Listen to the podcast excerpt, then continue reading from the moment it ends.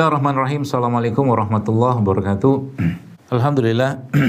Allazi anzala sakinata fi qulubil mu'minin liyazdadu imanan ma'a imanihim walillahi junudus samawati wal ardi wa kana Allahu aliman hakima. Subhanaka la ilma lana illa ma 'allamtana innaka antal alimul hakim. Rabbi israh li sadri wa yassir li amri wahlul 'uqdatam min lisani yafqahu qawli. Qala Allah Ta'ala fil Qur'anil Karim A'udzu billahi minasyaitonir rajim. Qul in kuntum tuhibbunallaha fattabi'uni yuhibbukumullah wa yaghfir lakum dzunubakum wallahu ghafurur rahim. Alhamdulillah kita tentunya bersyukur pada Allah Subhanahu wa taala di hari-hari yang Allah siapkan kepada kita untuk dosa-dosa kita, raga kita yang penuh dengan hal-hal yang tidak baik yang kita masukkan dari makanan, ruh kita, jiwa kita yang selama ini mungkin teracuni dengan berbagai macam racun-racun dunia atau mungkin racun pikiran kita sendiri atau racun hati kita sendiri Allah siapkan di bulan ini menjadi bulan untuk membersihkannya bulan di mana Allah menyiapkan segala fasilitas yang diperlukan untuk membersihkan uh, dua komponen tadi yaitu jasad kita, ruh dan ruh kita atau jiwa atau hati kita. Maka begitu besar rahmat Allah Subhanahu wa taala yang diberikannya dalam bulan Ramadan ini menjadi catatan penting tentunya untuk kita semua agar jangan sampai uh, bulan ini tuh menjadi bulan yang kita waliyauzubillah tidak mendapatkan bekas apa pun dalam diri kita.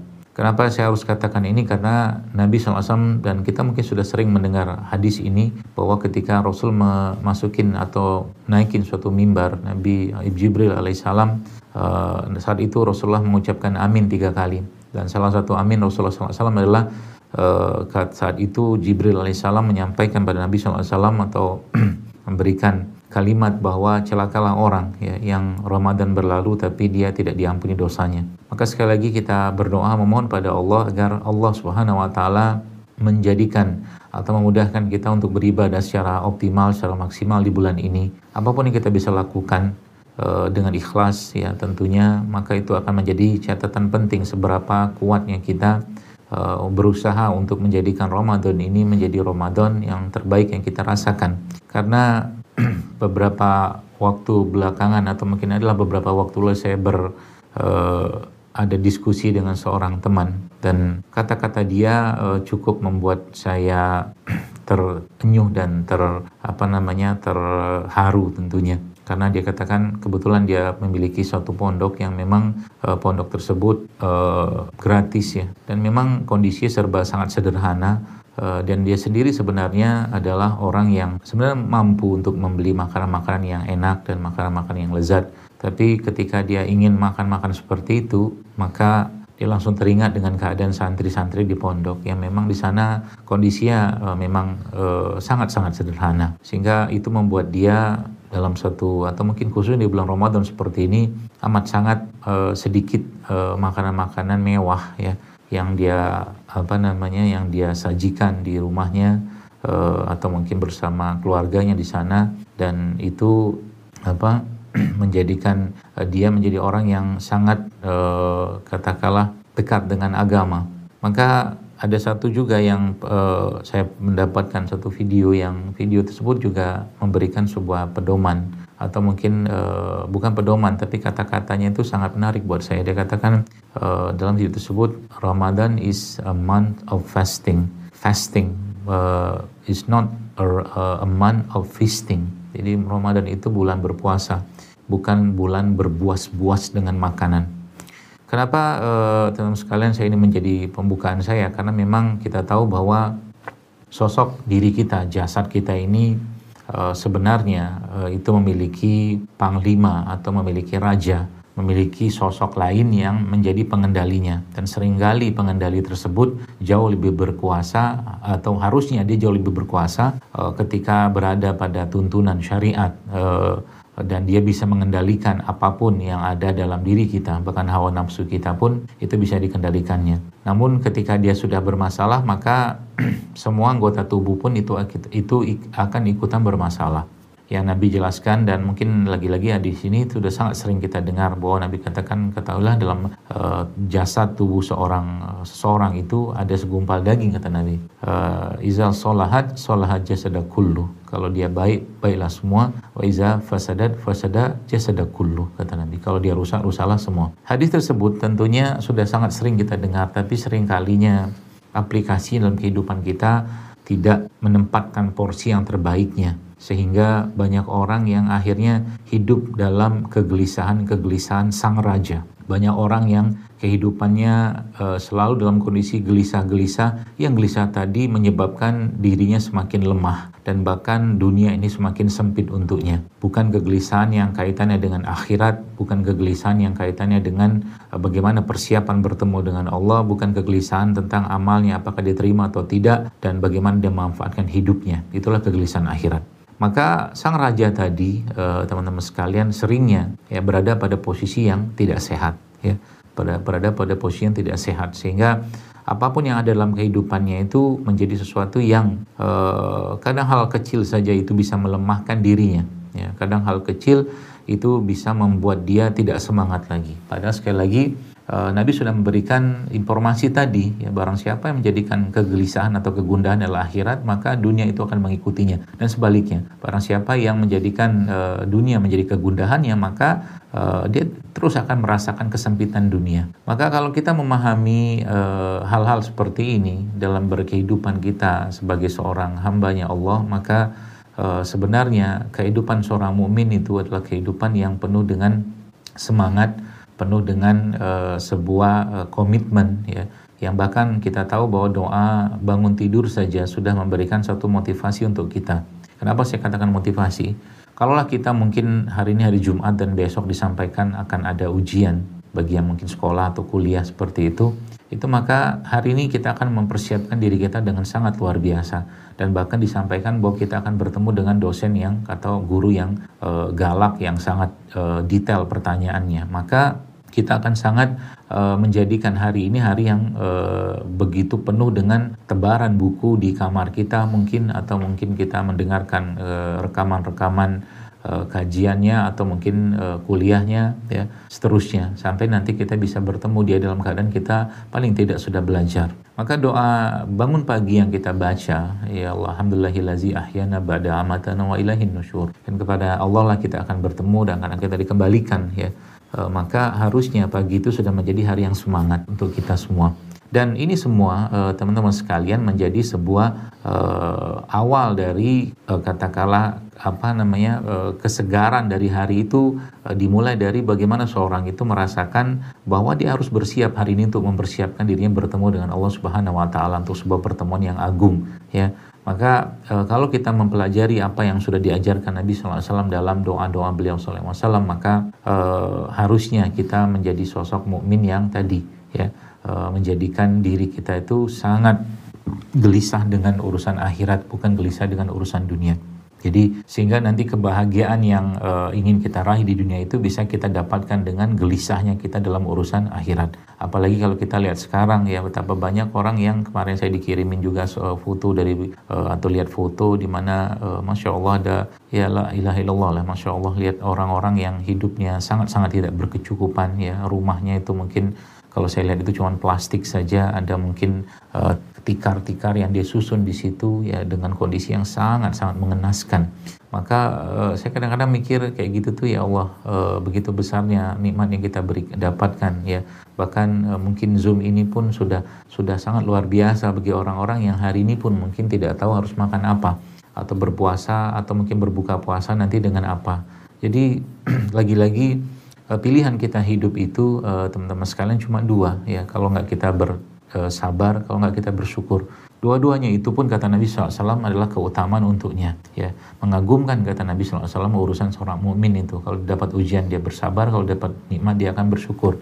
Pada akhirnya juga nanti kita akan tahu e, bahwa e, apa pun yang Allah berikan itu itulah yang terbaik. Nah, dari beberapa uh, hal yang saya tadi jelaskan itu, maka sebenarnya uh, keadaan kehidupan kita tiap hari itu adalah satu caranya Allah untuk menjadikan kita semakin hari itu semakin baik sangka dengan Allah Subhanahu wa taala. Saya ingat seorang uh, guru saya dikatakan uh, kepada saya waktu itu dalam sebuah uh, obrolan dikatakan saya itu kata kata beliau ya subhanallah. Semoga Allah jaga beliau. Dikatakan uh, tidak pernah berburuk sangka dengan Allah ya. Sampai detik ini apa pun yang Allah berikan untuk saya kata beliau itu saya akan katakan kalaulah itu bagus maka dia akan bersyukur. Tapi kalaulah itu uh, tidak sesuai dengan harapan ya atau mungkin ekspektasi atau doanya beliau maka beliau akan katakan ya Allah pengalaman apa lagi yang akan kau berikan dengan keadaan ini? Jadi tidak ada satupun hal yang uh, membuat dia itu gusar. Karena apa yang Allah berikan untuk dia pasti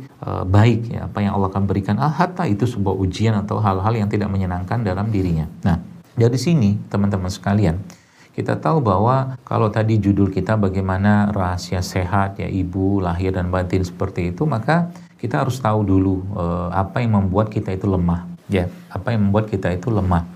Uh, Nabi SAW ya menjelaskan kepada kita bahwa uh, Rasul itu menjelaskan uh, bahwa beliau SAW berlindung dengan beberapa hal ya. Uh, Allahumma ini a'udzubika minal hammi wal hazan wa a'udzubika minal azzi wal kasal wa a'udzubika minal jubni wal bukhul wa a'udzubika min ghalabati daini wa qahri rijal.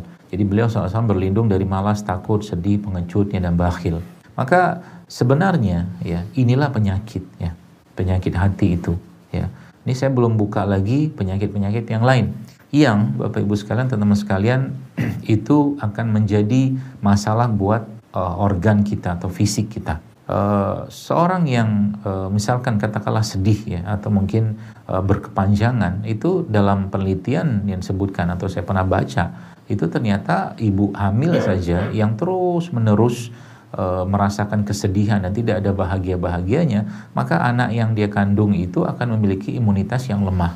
Ya bahkan sampai ke, ke tingkat sampai akan muncul masalah pada genetiknya atau gennya sampai seperti itu. Maka ini semua ya ini semua ya masalah-masalah atau eh, penyebab-penyebab uh, apa emosi atau perasaan yang tidak nyaman ini ini harus ditanggulangi tentunya ya Ditanggulangi dengan cara apa? Tentunya dengan Al-Quran, dengan bagaimana Nabi mengajarkan. Itu yang pertama. Lalu yang kedua, hal yang lain yang menyebabkan itu, itu harus dibuang. Nabi SAW menjelaskan apa? Dibuang seperti apa?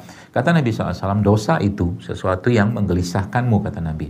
Dan e, kebaikan itu sesuatu yang membahagiakanmu. Ya, Dosa itu sesuatu yang menggelisahkanmu dan engkau tidak mau orang tahu tentang itu. Sedangkan e, keba kebaikan atau amal itu adalah sesuatu yang menyenangkanmu atau membahagiakanmu. Maka dua poin penting tadi pada kita bicara tentang toksin hati tadi, ya, itu menjadi sebuah hal yang sangat uh, apa namanya sangat uh, krusial sebenarnya untuk kita uh, katakanlah duduk sebentar di situ kita melihat diri kita ya. Karena karena karena memang uh, tadi ya bahwa ketika muncul kegelisahan ya. Contoh mungkin sekarang uh, saya ya atau mungkin teman-teman sekalian banyak mendapatkan orang-orang yang mengeluh dengan penyakit anxiety atau kecemasan.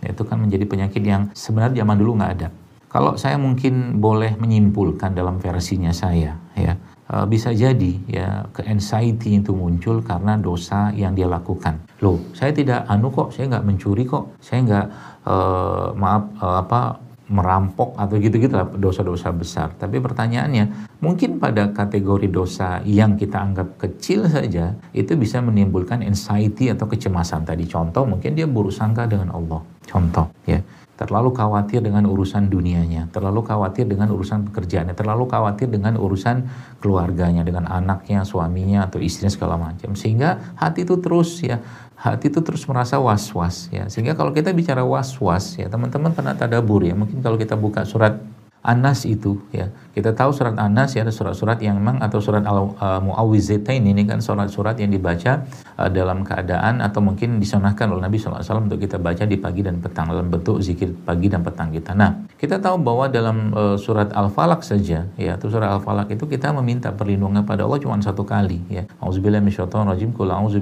falak ya wahai uh, Rob kita berlindung auzubillah uh, kul falak ya ke Rob yang menguasai subuh. Min syarri dari kejahatan waktu subuh ya. Maka itu kita minta perlindungannya satu kali Tapi yang dalam surat Anas kita tahu uh, Allah di situ menyebutkan atau mungkin mengajarkan kita untuk berlindung kepada penyakit yang justru lau jauh lebih berbahaya sebenarnya sehingga kita menyebut nama Allah tiga kali sana. Apa bunyinya? Qul a'udzu birabbin nas, rabbin nas. Ya kita sebut nama Allah tiga kali rabbin nas, malikin. Untuk apa? Min syarril waswasil khannas. Waswas gitu kan. Jadi dari situ sebenarnya sebuah uh, apa sebuah catatan penting dan sebuah hal yang menjadi tolak ukur untuk kita bahwa penyakit-penyakit seperti ini ya teman-teman sekalian itu jauh lebih memberikan efek yang fatal ya pada diri seseorang. Bahkan sampai ke kategori mungkin uh, ya mungkin jin bahkan sihir yang gampang masuk ke diri seseorang karena was-was itu tadi ya. Maka uh, ini kita mulai harus merenungi gitu kan. Dan ini boleh saya katakan uh, menjadi penyakit yang bisa diturunkan. Ya sering saya sampaikan dalam beberapa kajian saya beberapa waktu belakangan ini bahwa ketika seorang ibu ya seorang ibu ya yang sedang mengandung ya sedang mengandung anaknya atau hamil gitu kemudian ibu ini dalam kesehariannya tidak ada hal-hal yang membuat dia tuh merasa pede misalkan dengan dia sebagai seorang muslim ya yang dia pikirkan terus saya ini dari keluarga apa keluarga apa keluarga biasa.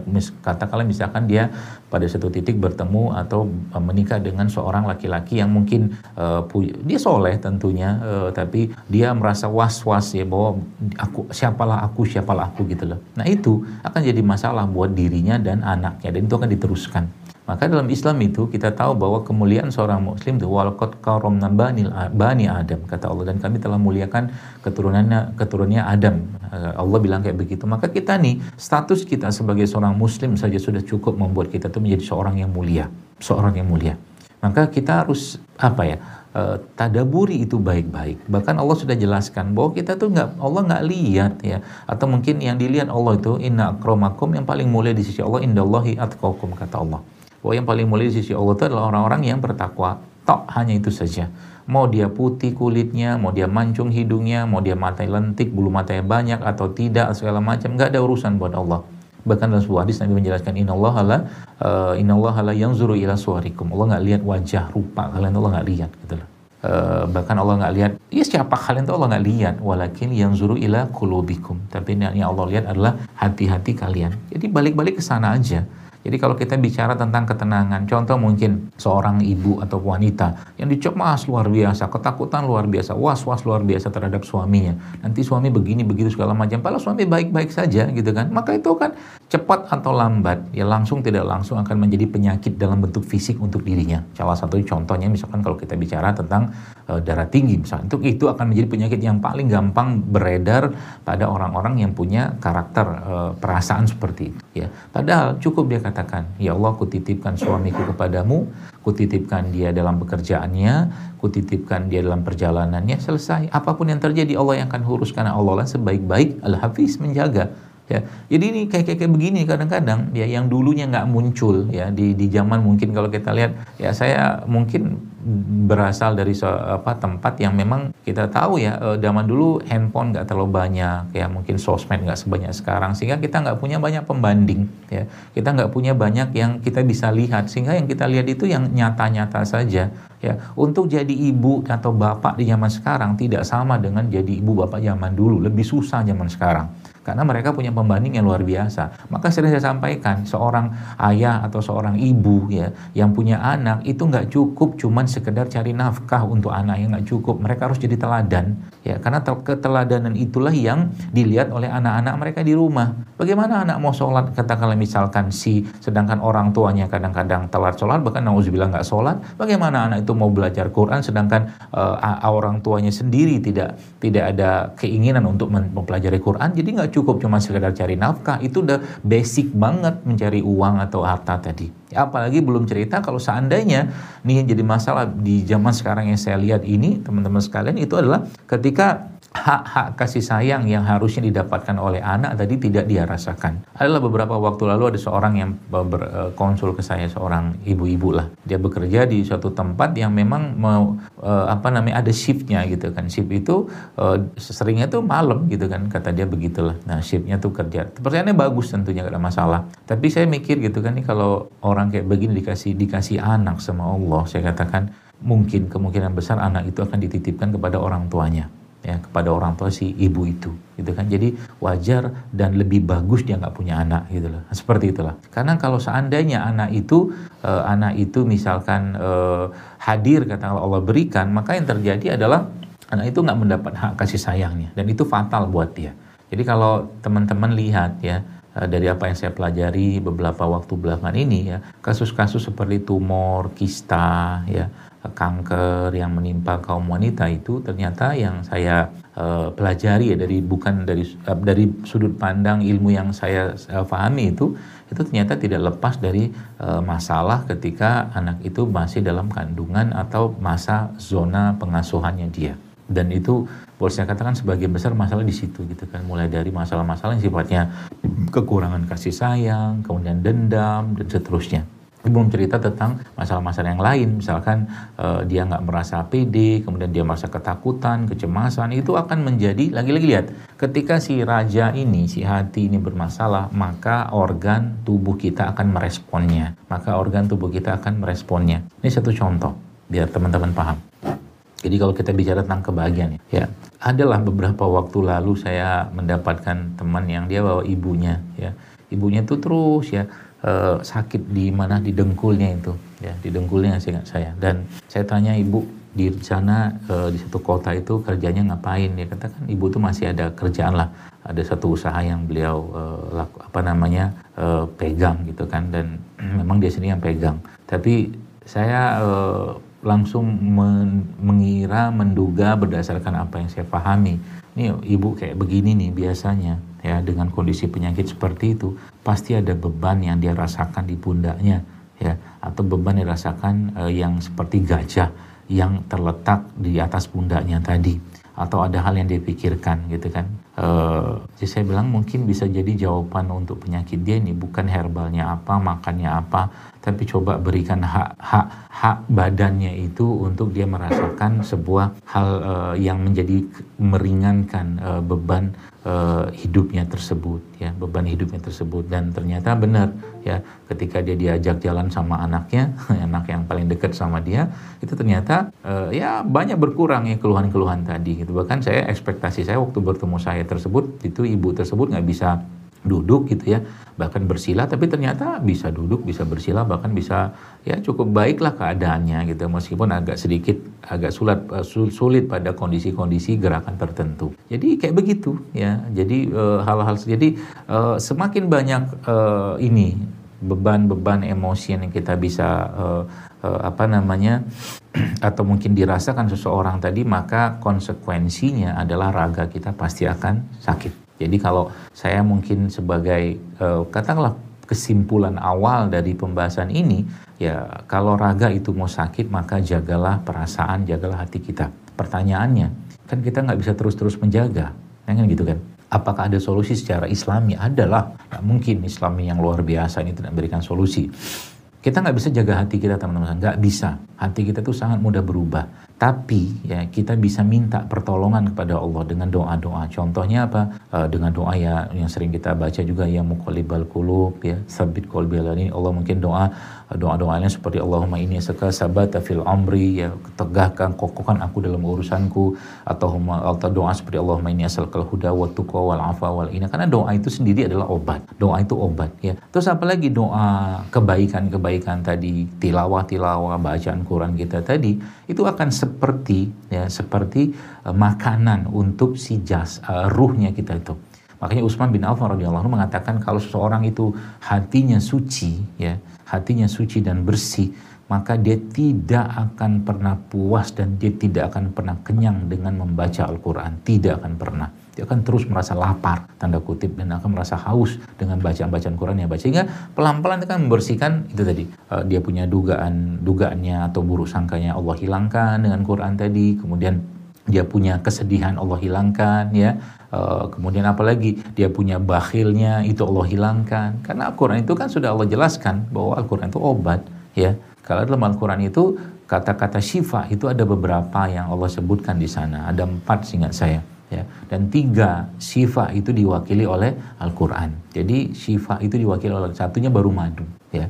Jadi itu obatnya, bukan sekedar obat, tapi dia penyembuh gitu kan. E, penyembuh buat apa? Penyembuh buat hati atau di dalam dadanya, hati di dalam dadanya orang-orang yang beriman dan meyakini itu. Ya, maka eh, lagi-lagi saya sampaikan kita perlu ya kita perlu mencari ya mencari kira-kira nih solusinya apa ya atau mungkin uh, apa namanya suntikannya apa nih untuk atau obatnya apa untuk masalah-masalah yang kaitannya dengan uh, emosi atau perasaan tadi yang kita perlu uh, mem mengkonsumsi itu tanda kutip atau menyuntikkan itu dalam diri kita. Supaya apa? Supaya kehidupan kita itu penuh dengan uh, kebaikan ya baik sangka kepada Allah dan terus kita merasakan uh, kedamaian dalam kehidupan kita sehari-hari gitu kan. Sehingga kalau kalau ini kita tidak kerjakan penyakit-penyakit itu terus menggerogoti itu ya. Bahkan ya saya melihat sini teman-teman sekalian ya uh, penyakit apa penyakit yang paling uh, penya, uh, penyakit yang paling berat ya yang uh, apa namanya menimpa diri seseorang berkaitan dengan emosi ya. Penyakit yang urusannya dengan hasad dan dendam ya. Kebencian dan dendam itu penyakit paling berat itu ya. Karena bisa sampai ke penyakit-penyakit yang seperti uh, kanker ya autoimun ya itu dari asal muasal itu dari situ. Yang kadang-kadang orang nggak sadar ya nggak sadar. Jadi, nah pertanyaannya, pertanyaannya, terus antitoksinnya apa atau detoxnya apa? Maka detoxnya adalah ikhlas ya sabar. Pertanyaannya apa kita cuma sekedar diucapkan ya tentu tidak. Ya. E, yang paling utama adalah misalkan ada seorang yang dia benci banget dengan seseorang, dia e, dendam banget dengan seseorang, ya maka e, salah satu caranya ya dia kembalikan semua pada Allah ya atau mungkin disampaikan toh juga kalau kita kalau seseorang itu uh, apa tuh namanya uh, terus membiarkan perasaan kebencian, hasad, dendam itu dalam dirinya apa untungnya bagi dia? Ya yang saya uh, ada satu yang saya belum bikin tulisannya itu karena uh, perasaan atau emosi yang buruk itu dia akan memakan diri kita perlahan-lahan ya. Akan memakan diri kita perlahan-lahan. Terus kalau saya dizolimi gimana ada doanya juga Allahumma inni a'udzubika an azlima au uzlama. Aku mau uh, berlindung kepadamu ya Allah dari dizolimi dan menzolimi orang lain. Ada doa kayak begitu. Kemudian apa lagi? Ya apa ya? Jadi kita terus mencari uh, antitoksinnya apa, termasuk tadi yang hasad, dendam, atau mungkin ada orang membuat kita sakit segala macam. Ya percayalah, ya Allah itu sangat baik perhitungannya. Ya jadi kalau itu kan itu kan percayalah itu kan bentuk baik sangka kita pada Allah. Jadi untuk apa itu dipendam hal-hal seperti itu ya?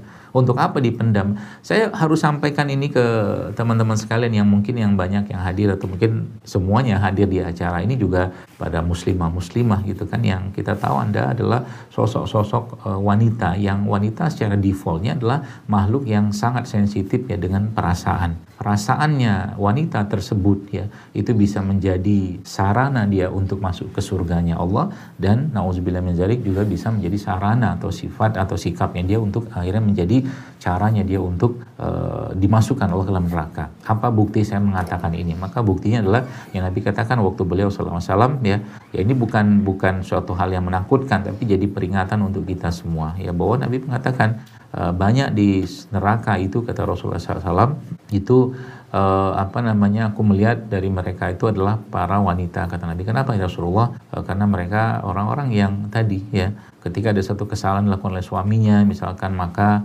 uh, tak tampak lagi kebaikan pada suaminya yang tampak. Uh, itu salah satunya. Dan mereka kurang bersyukur dan kurang bersedekah kata Nabi. Itu salah satunya. Jadi kalau dari ayat ini faedah yang kita mau ambil ya banyak-banyaklah bersyukur ya. Kalau seandainya seseorang tidak mendapatkan keadilan ya sesuai dengan yang dia harapkan maka mintalah keadilan itu kepada Allah. Mintalah keadilan itu kepada Allah Ya, caranya gimana? Sampaikan ya Allah uh, apa tuh namanya? Aku mohon keadilan kepadamu ya. Apa-apa yang aku tidak dapatkan dari si A, si B segala macam, gantilah dengan yang lebih baik. Jadi kan salah satu cara ya.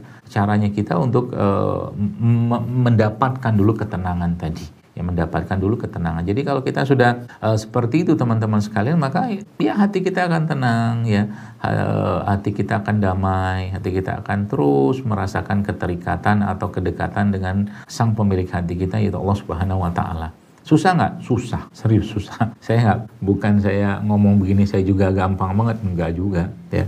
Uh, tapi ya tapi kalau kita sudah punya uh, protokolnya katakanlah kayak begitu maka hari-hari kita itu akan menjadi hari-hari yang uh, kita senantiasa ya hati kita itu terjaga. Ya, salah satu bentuknya adalah apa? Ya sedekah mungkin karena uh, dalam sebuah uh, ini bukan riwayat ya, tapi bukan hadis ya, tapi Nabi uh, para ulama itu menyebutkan bahwa salah satu cara untuk uh, Allah memperbaiki hati seseorang itu para ulama menyebutkan adalah ketika dia banyak melakukan amalan-amalan tersembunyi ya jadi dia melakukan amalan-amalan yang tersembunyi. Jadi kalau anda uh, teman-teman sekalian bisa apa istilahnya itu uh, melakukan amalan-amalan tersembunyi. Contoh mungkin anda bersedekah yang tahu sedekah anda itu cuma anda saja kalau bisa ya.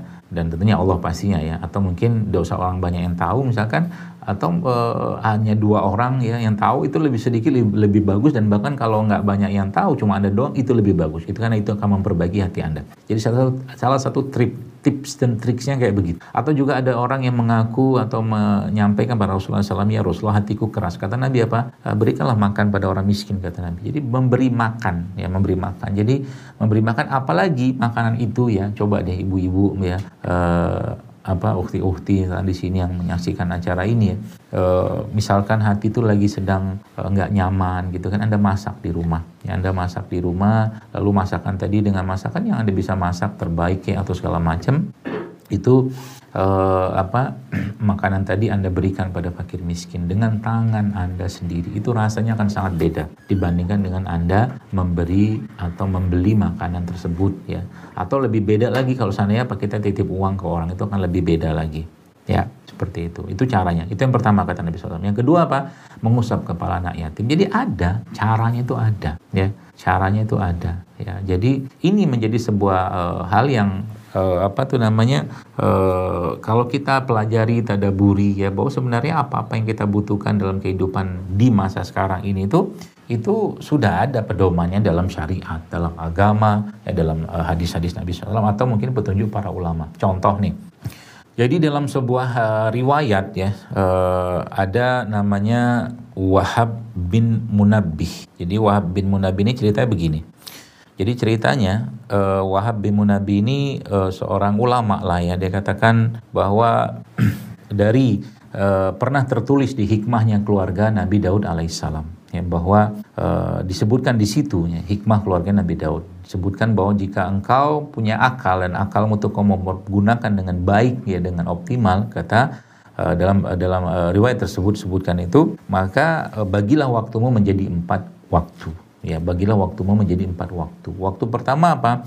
Waktu pertama lah waktumu bersama Allah Subhanahu wa taala. Itu waktu yang pertama. Jadi kalau mau akal ini bekerja dengan baik ya, maka Wahab bin Nabi mengatakan dari hikmahnya keluarga Nabi tersebut yang pertama adalah e, siapkan atau alokasikan waktu itu waktumu ter, e, ke, untuk bersama Allah Subhanahu wa taala. Yang pertama. Lalu yang kedua apa? Waktu yang dipakai untuk memuhasabah diri. Ya, itu waktu yang kedua. Jadi mikir udah usia sekian, apa yang sudah dikerjakan, karya-karya apa, atau masih gini-gini aja, terus mulai mulai dipikir kayak, kayak begitu.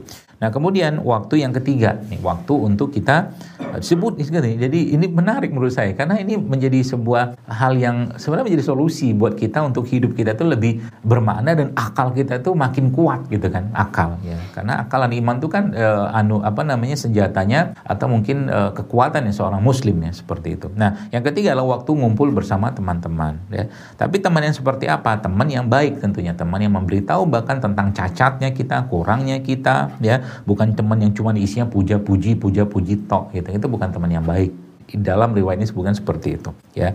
Jadi sama teman juga jujur. Nah yang menarik adalah bahwa yang terakhir waktu yang keempat itu waktu menikmati kita dan diri kita. Jadi kalau waktu ketiga itu waktu kongko ya kongko. Ha, atau waktu kongko. Nah waktu keempat ini adalah waktu kita menikmati kita dan diri sendiri ya. Ya tapi ada syaratnya. Dia harus halal lezat indah dan tentunya tidak berlebihan. Nah yang menarik adalah ternyata teman-teman sekalian justru malah uh, waktu yang keempat ini ya uh, disebutkan di situ aunan hazihi sa'ah wa aunan litilka litilka sa'ah. Jadi bahwa uh, yang waktu keempat ini itu justru malah membantu kita beramal baik di tiga waktu di atas. Jadi supaya yang tiga di atas itu oh maksimal, maka uh, kita perlu menikmati diri dan uh, kita dalam kondisi yang halal ya baik dan segala macam. Contoh anda memang sukanya misalkan pengen masak ya masak lah gitu kan. Nah itu kalau dalam riwayat disebutkan itu akan membantu atau memberikan kebahagiaan dan ibadah kita bisa optimal di tiga uh, waktu yang di atas jadi waktu muhasabah kita waktu uh, apa tuh namanya uh, bersama Allah kita dan waktu ngumpul-ngumpul bersama teman tadi. Jadi kan menarik. Jadi ini protokol-protokol kayak begini nih kalau kita buka buka buka lagi bagaimana tulisan para ulama dan kaidah-kaidah para ulama ataupun dari Rasulullah tentunya dari sahabat ya ulama-ulama zaman dulu. Itu ada semua sebenarnya. Ya jadi uh, kadang-kadang saya nggak habis pikir gitu kan. E, ketika ada orang yang e, apa tuh namanya e, mencari jawaban atas banyak masalah kehidupannya sebenarnya jawaban itu ada pada Quran ya jawaban itu ada pada syariat ini dari lisan bagi Nabi SAW contoh nih contoh nih terakhir sebagai penutup sebelum kita mungkin tanya jawab. E, beberapa waktu saya mendapatkan sebuah cerita yang menarik. Jadi ada orang yang punya e, bisnis keluarga lah katakanlah seperti itu. Dia belajarlah ke sana kemari untuk bagaimana bisnis keluarga ini ini bisa sustain bertahan sekian puluh ratus tahun bahkan ribuan tahun katakanlah kayak begitu. Ya. mereka belajarlah ke negeri-negeri sana sini segala macam. Tapi ketika dia bertemu dengan uh, seorang ulama ya seorang alim tentunya eh, ulama tadi mengatakan kalau anda mau bisnis keluarga ini bertahan terus kata-kata beliau maka kembalikan kepada Allah bisnis tadi. Dalam bentuk apa? Dalam bentuk wakaf salah satunya. Jadi wakaf jadi wakaf itu akan membuat sustain bisnisnya tadi dan berkahnya luar biasa dengan akad-akad yang bisa nanti uh, di apa namanya dibuat sendiri ya teman-teman sekalian. Dibuat dalam artian uh, akadnya seorang yang berwakaf itu akan menjadi klausul syariatnya pada satu akadnya. Contoh mungkin ketika seseorang mewakafkan satu perusahaannya misalkan wakaf produktif misalkan atau wakaf seperti itu ya wakaf produktif dia katakan bahwa 50% dari dari keuntungan perusahaan ini ya wakaf sudah akad wakaf gitu kan itu akan diberikan kepada misalkan orang-orang belajar agama dari kampungnya kemudian uh, ditulis semua tuh detail gitu ya sebagaimana salah satu akad yang pernah saya pelajarin itu adalah akadnya Sulaiman Ar-Rajhi ya salah satu mungkin triliuner besar yang hidup di Saudi Arabia. Masih ada sampai sekarang usia uh, beliau itu dan uh, punya besar banyak sekali bisnis-bisnis yang semuanya bas, uh, wakaf semua ya. Jadi itu detail banget. Jadi itu akan menjadi klausul syarat jadi itu ya. Kadang-kadang kita sibuk mencari jawaban ke sana kemari padahal jawaban sebenarnya dan paling gampang itu ada pada agama dan syariat ini. Bertanyalah pada Allah bertanyalah pada Rasulullah ya. Bertanya pada ulama ya seperti itu. Maka kita akan banyak menemukan atau bisa menemukan uh, banyak sekali keindahan-keindahan syariat ini yang akan menjadikan kita itu hidupnya itu uh, ya pasti ya lahir batin ya raga jasad kita atau mungkin ruh kita hati kita itu akan terjaga semua ya seperti itu jadi uh, memang kita perlu ya duduk sebentar ya duduk untuk mendalami Quran ya untuk mendalami uh, ilmu-ilmu dari hadis-hadis Nabi SAW perkataan para ulama karena memang itulah yang akan menjadi uh, penyemangat untuk diri kita. Saya kira mungkin itu yang bisa saya sampaikan. Mungkin saya lanjutkan lagi dengan tanya jawab. Allahumma Assalamualaikum warahmatullahi wabarakatuh.